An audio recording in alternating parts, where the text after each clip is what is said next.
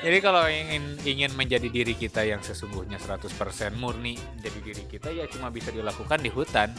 sebenarnya anak megang gadget nonton video tuh sebenarnya nggak apa-apa. Toh dari dulu juga kan emang suka nonton film tayangan-tayangan edukasi kayak gitu.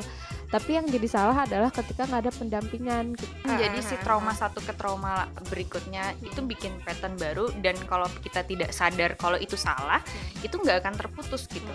Kita bakal memperlakukan anak kita seperti itu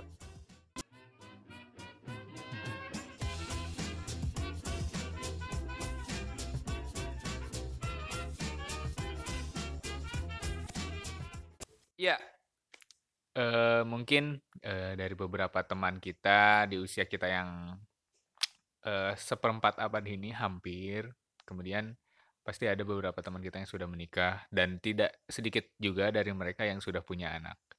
Ngomongin soal pernikahan, eh, sudah punya anak dan bagaimana mereka menjalaninya, saya ingin tahu dari pandangan teman saya yang pasti Ichen yang selalu ada di podcast ini.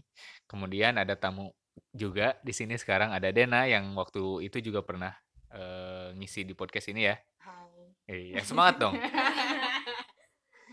halo Hai Iya, Dena dan Ichen sudah menyapa podcast ini dengan hai-nya yang agak lesu mungkin. Mungkin karena lesu juga karena nggak ikutan Pakari Sweat Marathon itu ya, kedua pelari kita ini. Dena sebagai eh, asisten terapis di Yayasan Bright Start dan Miss Ichen sebagai guru bahasa Inggris di TK Mutiara Bunda mungkin akan memberikan sedikit eh, sudut pandang tentang bagaimana mereka menghadapi anak-anak yang mungkin di antaranya adalah anak-anak dengan kebutuhan khusus ya atau anak berkebutuhan khusus seperti itu ya Dena ya. Nah, pertama yang yang perlu diperhatikan nih yang ingin saya tanyakan kepada teman-teman sekalian. Yang ingin aku tanyain, oke, oke, kita santai aja ya. Yang ingin aku tanyain kepada Ichen dan Dena, pokok permasalahan eh, pola asuh di lingkungan kita sekarang yang paling mendasar tuh apa sih? siapa dulu nih Ichen dulu, Ichen dulu. Oke. Sebenarnya cie aku berasa itu ya. Berasa Ibu Eli Risman empati psikolog gitu. Tapi enggak sih aku tuh kayak enggak sebenarnya karena kita tuh hari ini mau ngobrolin soal pola pengasuhan karena kebetulan di antara kita ada yang mengalami satu pengalaman yang sangat related dengan pola pengasuhan. Cie. Betul be- bukan begitu deh? Weh, iya men. langsung kaget gitu iya jadi santai aja sih kita ngobrolinnya sekarang kita tentang karena apa ya isunya tuh lebih ke kita kan udah pada mulai pada nikah nih Eh, gitu terus kita, teman-teman iya, kita. Teman-teman kita, kita, teman-teman. tidak kita. Anda Anda masih nggak tahu kapan ya. ya maksudnya di usia kita tuh kan udah banyak gitu kan yang udah sebar undangan udah nikah bahkan udah gendong-gendong baby gitu nah apa ya makin ke sini tuh berarti isu-isu bukan cuman isu dating sama relationship doang gitu yang udah mulai agak sedikit diangkat tapi juga isu-isu tentang parenting pola asuh dan lain-lain kayak gitu nah kalau misalnya yang tadi Wisnu tanyain sih kalau menurut aku pola pengasuhan yang paling salah banyak sih maksudnya kayak Iya, dan banyak dan apa ya kebanyakan itu nggak sadar gitu. Kebanyakan dari mereka nggak sadar kalau mereka udah ngelakuin itu gitu sama anaknya. Karena apa ya? Karena kan mungkin ya mereka juga sibuk dan mungkin itu hal yang dilakukan sama orang tuanya mereka zaman dulu gitu. Jadi kayak tradisi ya biasanya kalau anak mah diginin diginin diginin gitu. Yang mana zaman kan terus berubah gitu dan kita kan udah mulai apa ya? Udah mulai banyak yang banyak yang beda lah gitu dari zaman dulu termasuk juga penggunaan gadget ya dan ya Jadi kayak apa ya banyak banget gitu orang tua yang mengabaikan anaknya biar maksudnya biar anaknya diem biar anaknya anteng itu dikasih gadget gitu. Tapi dikasih gadgetnya sebenarnya gak ada yang salah sih sama dikasih gadget. Nggak apa-apa sebenarnya anak megang gadget nonton video tuh sebenarnya nggak apa-apa. Toh dari dulu juga kan emang suka nonton film tayangan-tayangan edukasi kayak gitu. Tapi yang jadi salah adalah ketika nggak ada pendampingan gitu. Ya maksudnya orang tua boleh kasih gadget tapi nggak cuman dengan alasan karena biar anaknya diem, biar anaknya anteng, nggak ngerepotin orang tuanya yang kerja dan lain sebagainya. Tapi tetap harus ada pengawasan dan tetap harus diajak ngobrol. Sebenarnya anak-anak itu lihat itu apa sebenarnya gitu. Jadi misalnya dia lihat uh, kartun, oh ya ini lagi ngapain, oh ini lagi lari, misalnya oh ini lagi makan ini ya makan ini kan sehat untuk uh, perkembangan badan. Jadi kayak si anaknya juga teredukasi gitu, nggak apa ya, nggak kayak bingung sendiri ini apa ya itu apa ya gitu. Karena aku juga pernah ngeliat gitu ada kan anak-anak tuh suka banget ya sama YouTube itu suka banget dan bisa sampai kecanduan kayak gitu-gitu. Banyak banget. Pokoknya anak tuh yang ngegoak gitu ke orang tuanya pengen YouTube pengen YouTube. Dan di YouTube tuh karena emang bisa semua keluar kan kayak thumbnail apa pun gitu. Bahkan thumbnail hantu thumbnail pornografi itu semua bisa keluar dan bisa diklik gitu kapan aja. Nah di situ sih sebenarnya bahaya karena dari buku yang aku baca judulnya Preschool Clues itu tuh kayak sebenarnya anak itu bisa belajar dari semua hal yang mereka tonton gitu. Jadi itu kayak apa pun yang mereka tonton itu mereka bisa belajar sesuatu. Nah, itu sebenarnya yang bahaya. Gimana kalau mereka belajar yang belum waktunya atau mereka belajar hal yang salah gitu. Karena kan logika mereka juga kan belum matang kan. Kayak gitu sih. Kalau menurut ya. Jadi aku aku recap dulu nih dari Chen adalah uh, banyak pengawasan dari orang tua yang uh, sedikit lalai ya. Dari mulai uh, penggunaan gadget sampai apa yang dia lakukan, anak-anak yang lakukan ini, uh, cuma anak-anak lakukan aja gitu tanpa ada pengawasan dan pemberian edukasi, misalkan nonton YouTube atau pemberian, uh, kebebasan lainnya gitu. Misalnya main bola di luar tanpa pengawasan, apa pun yang tanpa pengawasan itu, uh, adalah sebuah masalah pola asuh yang paling mendasar bagi Chen, ya. Menurut Dana, uh, masalah pola asuh yang paling mendasar yang pernah Dena lihat atau Dena rasakan mungkin? Oke. Curhat nih teman-teman. aku nggak tahu sih itu sebenarnya masuknya ke uh, permasalahan atau gimana. Cuma yang paling penting menurut gue adalah kesadaran dari orang tua sendiri uh, siapa pun yang menjadi orang tua sadar akan uh, trauma yang pernah dia rasain di masa lalu, bagaimana pengasuhan orang tua dia di masa lalu itu akan mempengaruhi bagaimana pola asuh dia terhadap anaknya. Uh, trauma itu kan jadi tidak terputuskan kalau kita tidak memutuskannya. Dan kesadaran itu sangat dibutuhkan guys. Ya menurut gue ya uh, apa ya? Gue jadi, jadi bingung anjir gimana gimana deh aku aku aku bantu aku bantu. Jadi uh, sebenarnya si trauma itu yang harus disadarin sama si orang tuanya gitu iya, sebelum mereka apa ya, kayak yang kamu tau gak sih istilah kayak hurt people hurt people iya kak itu kan masuknya uh, pattern kan uh, jadi uh, si trauma uh, satu ke trauma uh, berikutnya hmm. itu bikin pattern baru dan kalau kita tidak sadar kalau itu salah hmm. itu nggak akan terputus gitu hmm. kita bakal memperlakukan anak kita seperti itu yeah, yeah. seperti orang tiket orang tua kita dulu memperlakukan kita hmm. dan anak kita juga bakal kayak gitu terus gitu kalau kita tidak sadar dengan itu tidak aware dan kita tidak berusaha buat fix it mm-hmm. ourselves gitu. Mm-hmm. Itu yang paling penting sih sebagai orang tua kesadaran itu gitu daripada lo melampiaskan uh, kesalahan pola asuh orang tua lo di zaman dulu itu sama anak lo, ya lebih baik try fix yourself first gitu mm-hmm. before you decide to make a baby. Mm-hmm. Oke. Okay? Oke, okay, karena anak sebagai pengkopi yang pandai, cuman dia tuh nggak bisa ngungkapin itu benar atau salah gitu. Cuman dia tahu bisa mengcopy itu dengan baik. Misalkan anak-anak sebagai e, ngelihat orang tuanya main gadget, main HP atau ngelihat orang tuanya marah-marah, anak-anak mungkin akan ngopi itu juga kan. Cuman hmm. anak-anak nggak tahu apakah marah-marah ini tuh adalah tindakan yang tepat atau tidak tepat, begitu hmm. kan? Nah, itu adalah poin yang aku dapatkan dari Ichen dan Dena barusan. Trauma, ngomongin trauma ter, untuk ter, Ngomongin hmm. trauma yang kamu alami, Dana. Hmm. Oh. oh. Gimana kamu tahu bahwa itu tuh di mana titik kamu tahu di mana itu adalah tindakan yang tidak benar gitu bagi orang tua kamu gitu.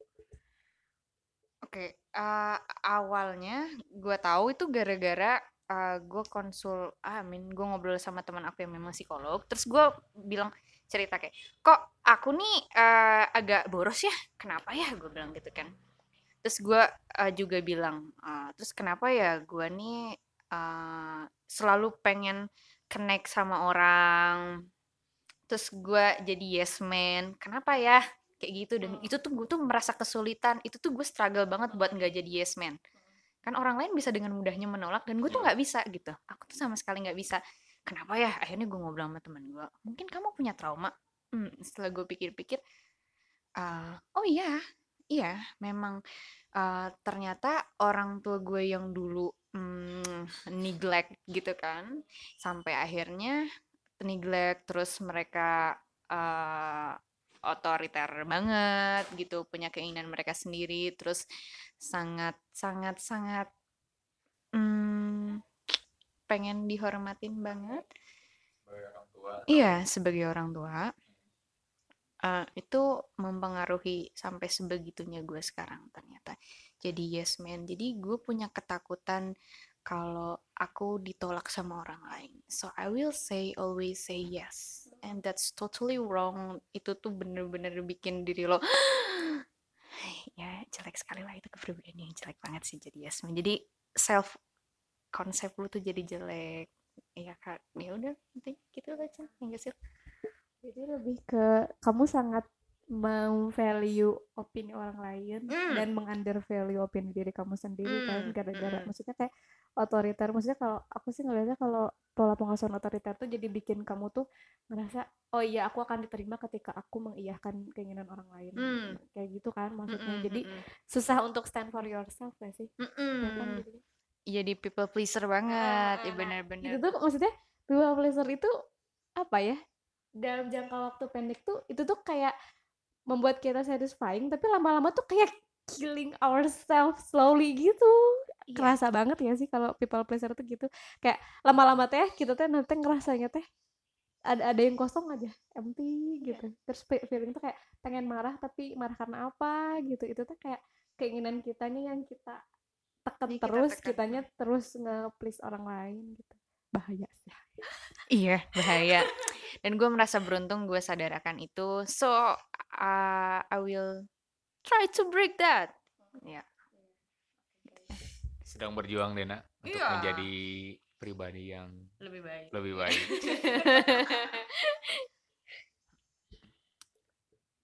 Gimana? Kalian juga pernah ngerasain gak sih? Apa kalian setelah gue cerita kayak begini, apa kalian mengingat satu perilaku kalian jelek yang sekarang yang ternyata kalian merasa itu dipengaruhi oleh masa kecil kalian gak?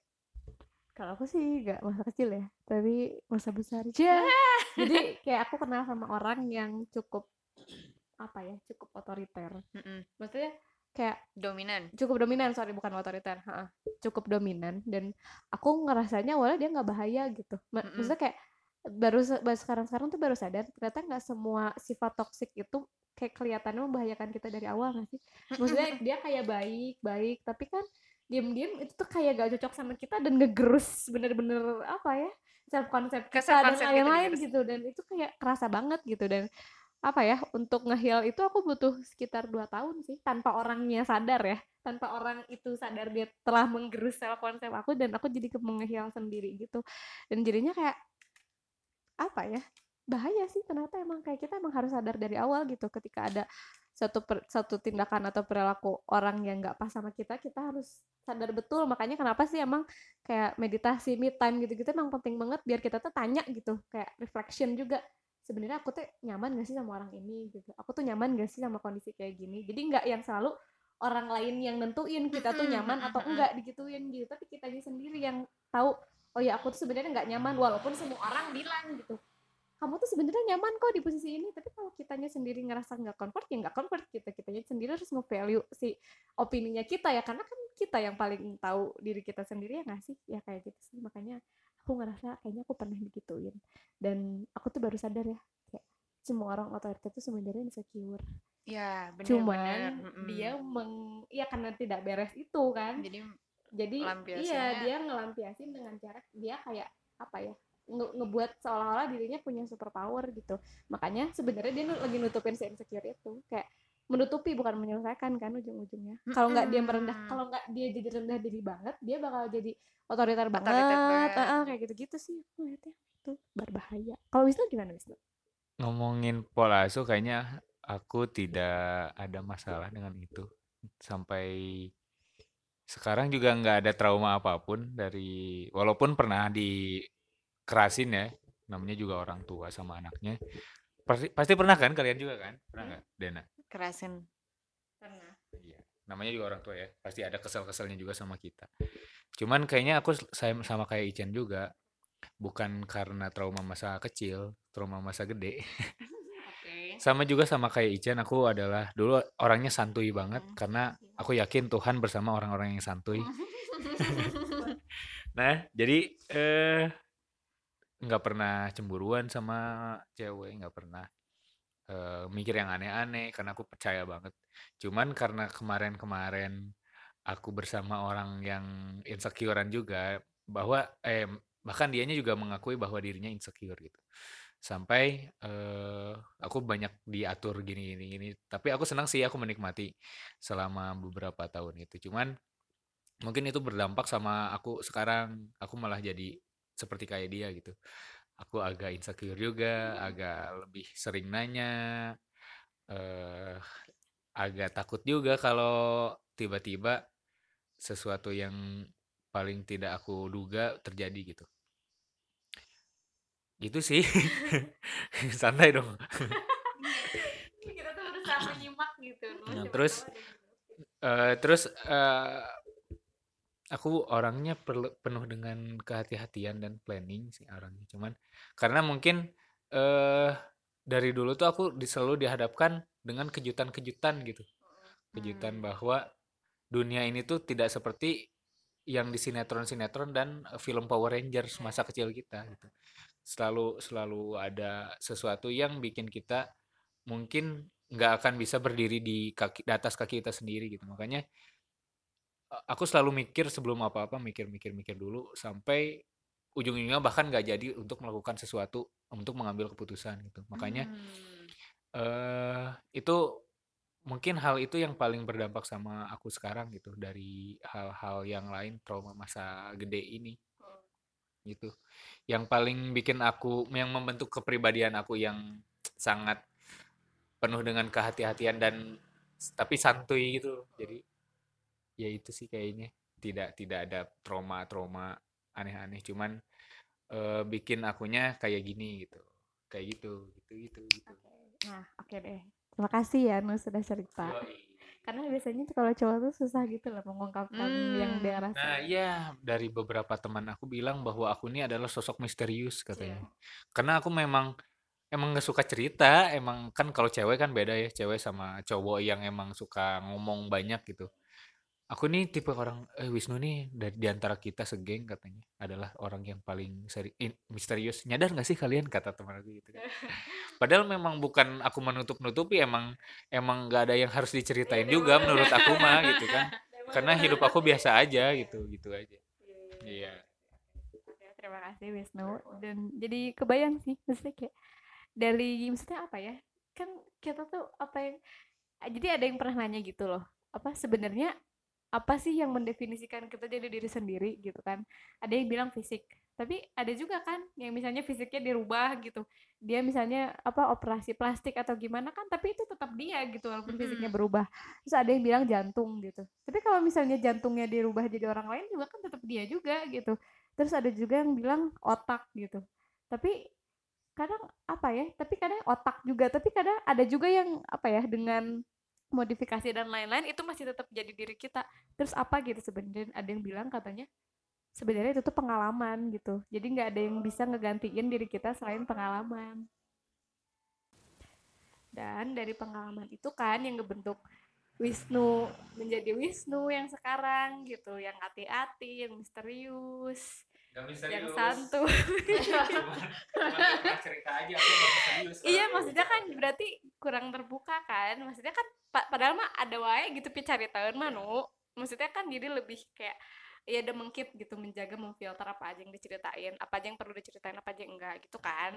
Nah Dena juga kan yang jadi kayak sekarang gitu yang rajin lari Oke. sedekah menabung gitu-gitu kan? Dan aku juga yang seperti inilah.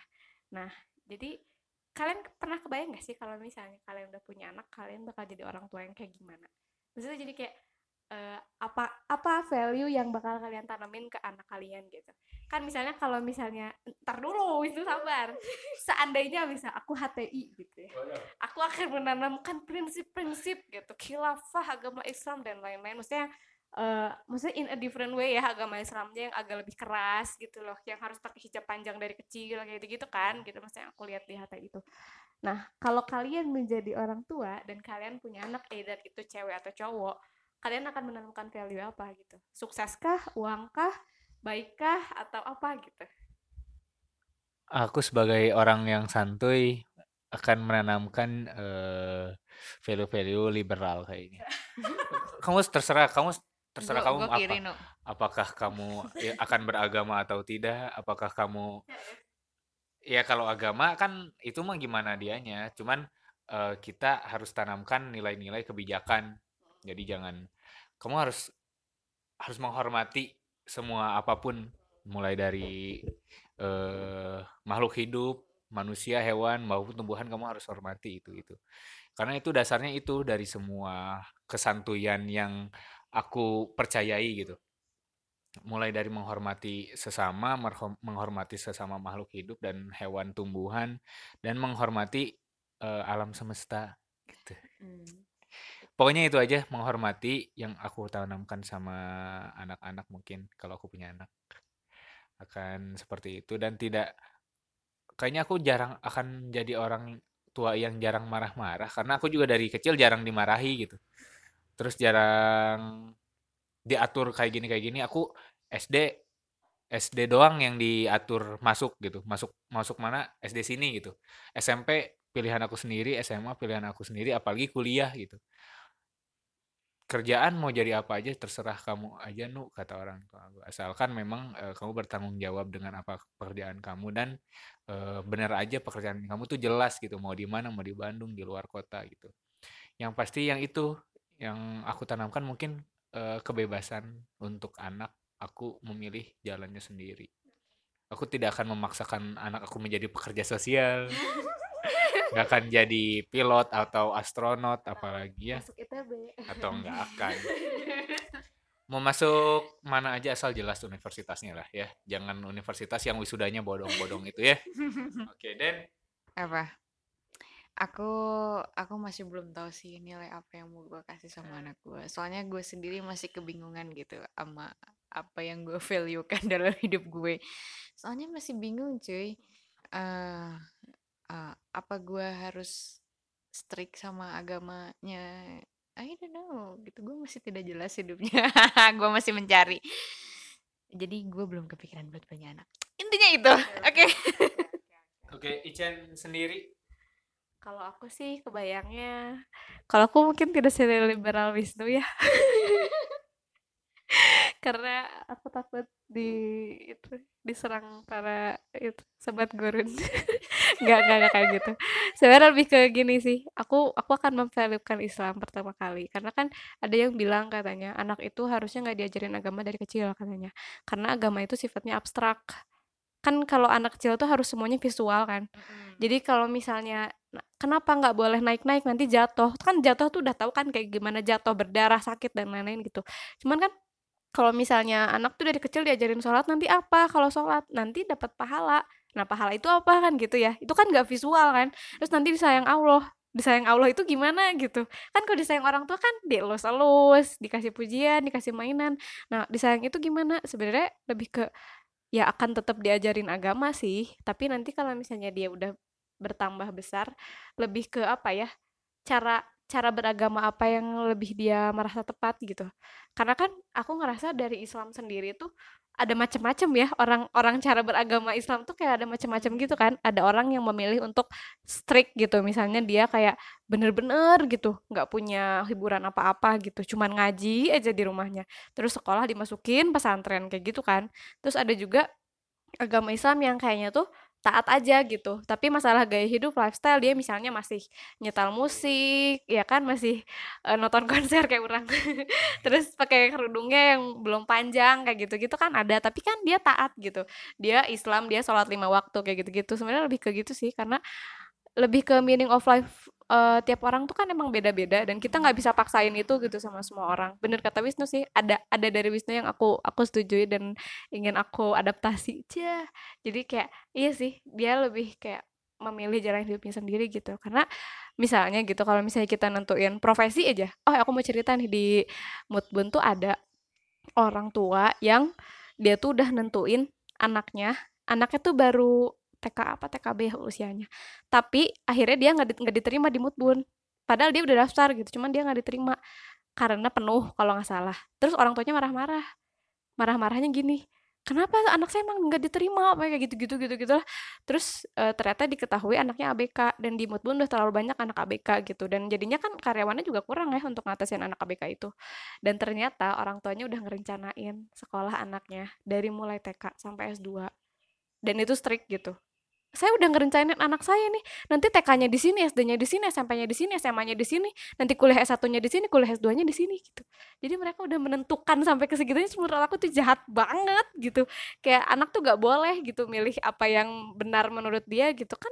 Maksudnya benar itu kan bukan karena mayoritas atau karena otoritas gitu, tapi karena apa yang divaluekan oleh diri dia sendiri itu bener gitu. Jadi kayak lebih ke ya sih kayaknya kalau misalnya aku punya anak, aku akan membiarkan anak aku untuk apa ya menjadi dirinya sendiri, tapi semoga anak aku masih Islam gitu, nggak yang beragama lain dan semoga anak aku masih straight dan semoga nggak macam-macam tapi dia punya value dia sendiri sih yang dia yakini dan bukan karena itu cekukan orang lain kayak gitu sih.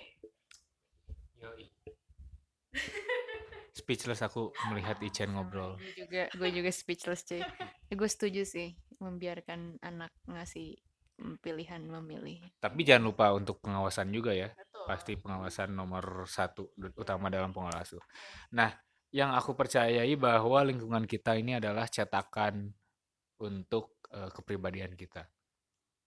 Kita nggak bisa 100% jadi apa yang kita inginkan, apa yang kita mau karena ada nilai etika, norma yang harus kita atuhi, yang ada yang membatasi kita untuk melakukan sesuatu. sepakat ada batasan norma ada batasan agama hmm. Jadi jadi kalau ingin ingin menjadi diri kita yang sesungguhnya 100% murni menjadi diri kita ya cuma bisa dilakukan di hutan. Kalau di lingkungan yang banyak manusianya ya aku yakin tidak bisa itu kan. Karena kita pengen jadi ini kita ingin bebas, ingin mengekspresikan diri kita sebaik mungkin, semurninya kita. Pasti ada aja orang yang tidak suka melihat itu kan dan mungkin itu juga melanggar eh, nilai etika dan norma ya. Hmm. Jadi untuk menjadi diri kita tidak bisa untuk memenuhi semua eh, apa yang menjadi kepribadian kita nih harus ada penyesuaian juga dengan lingkungan ya. Ya id ego dan super ego ya Iya. enggak Miss Iya. Ichen ya. Mending banget ya Mama Freud. Iya sih setuju kata Wisnu karena ya tadi tidak bisa dipungkiri ya kalau misalnya kita mau melakukan sesuatu juga pasti kan kita mikirin kata orang gimana ya gitu ntar orang lain mikirnya gimana ya gitu jadi kayak bullshit aja gitu kalau ngedengerin orang lain ah aku mah nggak peduli apa kata orang cia bohong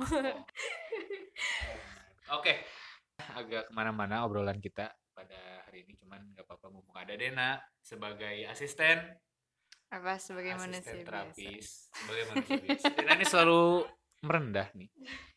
Pengalaman kamu dalam menghadapi anak-anak yang berkebutuhan khusus di yayasan Yayasan. Sinar klinik, klinik, oh klinik, sorry di dunia di klinik Bright Start, Sinar, ya. Bright Start.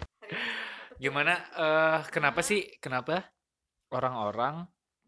Kenapa orang tua bisa bisa eh, menyerahkan seperti itu pengobatannya untuk terapinya ke yayasan kamu, ke klinik kamu? gue jadi iklan nih Gak apa-apa dong. gimana Ini di sana tuh klinik khusus apa sih, Den? Iya, biasanya buat anak berkebutuhan khusus sih, sama gangguan belajar juga nggak masalah. Cuma yang memang ada permasalahan eh perkembangan, intinya ada permasalahan perkembangan di anak bisa di sana. Paling sering yang kamu hadapi masalah-masalah Gitu. Gangguan belajar sih, tapi di sana bermacam-macam sih, mulai gangguan. Ya, intinya gangguan perkembangan banyak lah dari mulai telat bicara, terus eh, apa eh, autism atau ASD gitu-gitu banyak banget Semuanya bisa selesai tapi ya permasalahan ini. Eh, bisa dibilang sakit nggak? enggak Enggak, lah bukan bukan sakit. sak Apa ya Istilahnya apa ya apa? istilahnya Ya gangguan. iya gangguan Gangguan perkembangan. Nah, Iya. gangguan perkembangan ini berarti bisa selesai. Bisa kayak Eh, gangguan apa? eh, bicara yang telat bicara itu. Hmm, bisa sih, cuma itu juga harus kerjasama dengan orang tua dan kalau dibutuhkan dengan profesional lain juga kan, supaya treatmentnya juga eh, menyeluruh. Oke. Udah lah, berat banget sih bahas Berarti Miss Ichen juga menghadapi ini di sekolah. Iya. Iya, cuman kan aku lebih ke outsidernya. Jadi aku nggak menangani langsung gitu. Aku cuma ngeliat. Karena di Mutbun kan sekolah inklusi. Itu juga kan nerima anak-anak ABK gitu. banyak tahu di klinik. Apa? Mutbun? Oh iya. Heeh ya, jadi ya sebenarnya nggak cuma ABK doang gitu. Karena kan ABK juga kan dibaginya ke tiga kategori gitu kalau di sana kan. Nah, sama gray area juga. Gray area tuh jadi kayak dia kayak normal. Tapi sebenarnya ada sesuatu yang memang harus distimulasi lebih gitu. Mm-mm, Lebih ke kayak gangguan belajar atau gangguan fokus ya gitu-gitu juga masalah sih. Kayaknya zaman kita sekolah dulu nggak sampai kayak gitu banget ya. Makanya kita jadi kayak gini sekarang. kayak fok nggak fokus gitu dibiarin gitu dianggapnya dia bodoh Iya, gitu. kayaknya dulu juga teman-teman kita atau bahkan kita sendiri juga mengalami hal itu ya.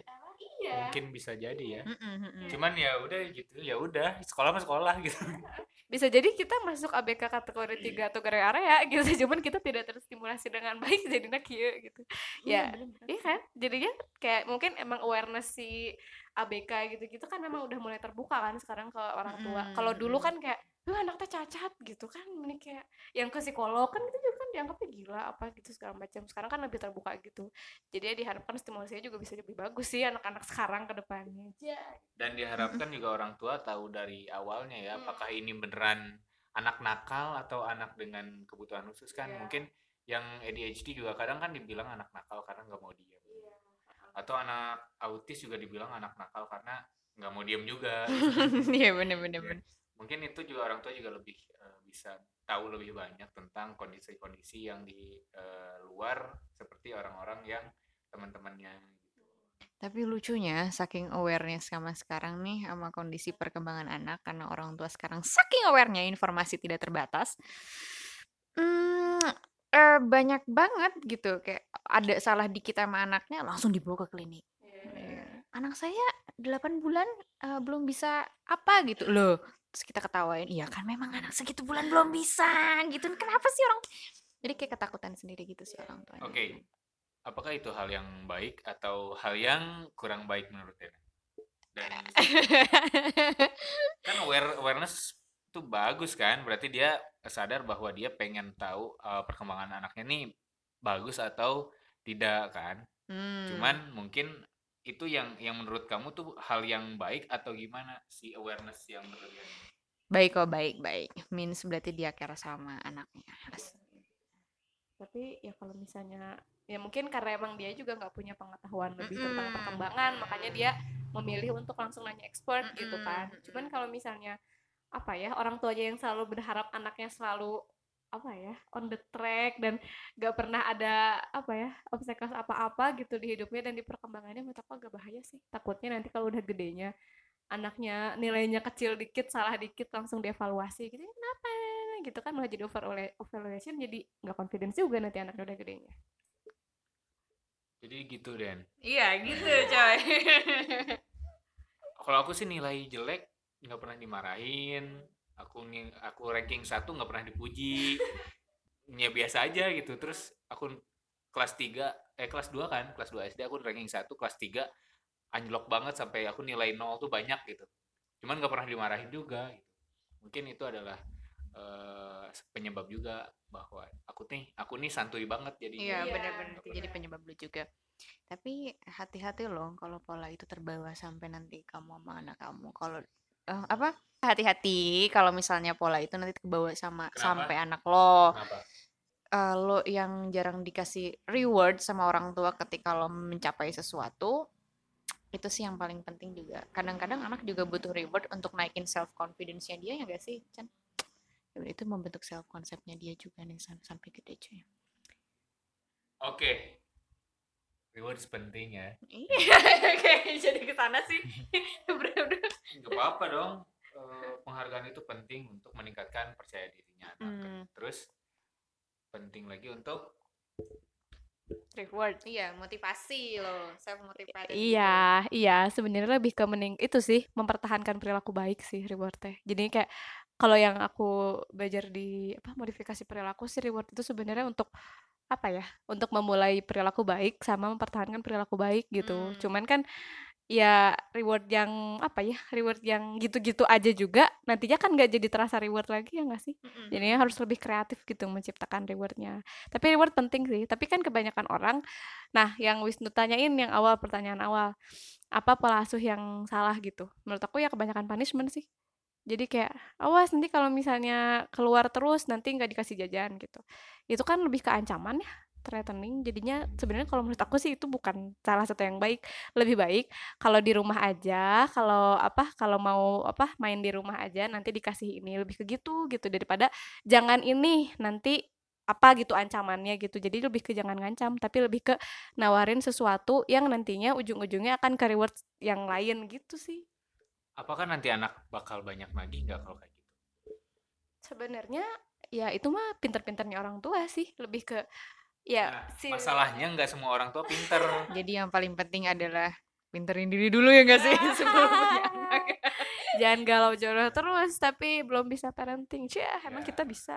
Sebenarnya lebih ke gini reward itu kan nggak selalu bentuknya fisik dan bentuknya apa ya sesuatu yang diuangkan gitu loh. Makanya kenapa orang mikir reward reward kan kita misalnya nggak punya banyak materi gitu kan untuk reward tapi sebenarnya kan reward itu bisa banyak gitu. Dulu sih yang aku belajar tuh jadi kayak ada fisik jadi kayak berupa makanan ada terus berupa jalan-jalan ada terus ada juga reward yang berupa kayak sentuhan fisik kayak belayan gitu juga kan gitu. iya pujian. Itu juga kan reward gitu. Jadinya lebih ke kalau misalnya apa kan bis kita kan bisa maksudnya untuk memberikan reward sebagai misalnya pujian gitu. Kalau misalnya si anak itu apa ya memvalue si reward pujian itu dengan baik juga ya nantinya dia akan mempertahankan si perilaku baiknya demi mendapatkan pujian gitu. Nggak selalu iming-imingnya mainan atau liburan gitu kok.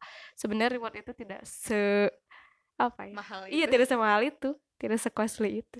Nah, itu ma- tapi masalahnya adalah beberapa anak mungkin menganggap bahwa pelukan dan elusan itu bukan reward gitu. Kayak aku adalah anak yang tidak suka dielus dan dipeluk. Nah, masalahnya itu kan. tapi kamu tetap butuh penghargaan sama pengakuan kan Yoi. nah ya itu Pengakuan sebagai pengakuan kalau kamu udah Mencapai melakukan ya melakukan sesuatu yang baik kamu membanggakan orang tua gitu jadi Oh, iya. sebenarnya nggak selalu harus kayak sentuhan kayak kata- Nah, gitu dong. Itu Iya. baru anak papa, Ji. Wah, selamat ya anak papa kayak begitu. Rasanya, wih pinter nah bagus soalnya kayak gitu-gitu juga kan sebenarnya itu jadi reward gitu cuman ada anak yang tiis gitu padahal mah di dalam hatinya tuh seneng gitu ya gengsi Yang juga si Wisnu ngajak langsung ini kayak atlet gimnastik. Iya dan itu tuh ngasih motivasi di anaknya sendiri. Ah orang tua aku seneng nih kalau misalnya aku kayak begini, aku harus bisa lebih baik lagi. Iya nggak sih kayak gitu. pengakuan eh maksudnya self apa sih kayak harga diri anak itu kan pertama emang kaitnya sama orang tuanya dulu sebelum sama teman-temannya sebelum sama pacarnya sebelum sama istrinya kan bisa dari orang tuanya dulu gitu. Jadi kalau misalnya orang tuanya udah kasih penghargaan secara bagus ya confidence anak juga jadi akan bagus juga gitu. Walaupun orang-orang di luar sana misalnya teman-temannya muji-muji dia tapi orang tuanya nggak pernah ngehargain dia juga itu biasanya akan berpengaruh lebih ke orang tuanya gitu. Dia lebih nempelnya orang tua ya orang tua aku yang nggak pernah ngehargain aku gitu Ya, mungkin begitu ya. Kita ngobrol-ngobrol dari pola asuh kepribadian sampai eh ngomongin pengalaman yang pernah kita masing-masing alami, baik itu baik dan buruknya. Intinya adalah yang pertama yang aku tangkap eh, dari pola asuh nih, jangan lupa untuk mengawasi anak-anak kita, keponakan kita, adik-adik kita ketika dia diberikan fasilitas atau diberikan kebebasan.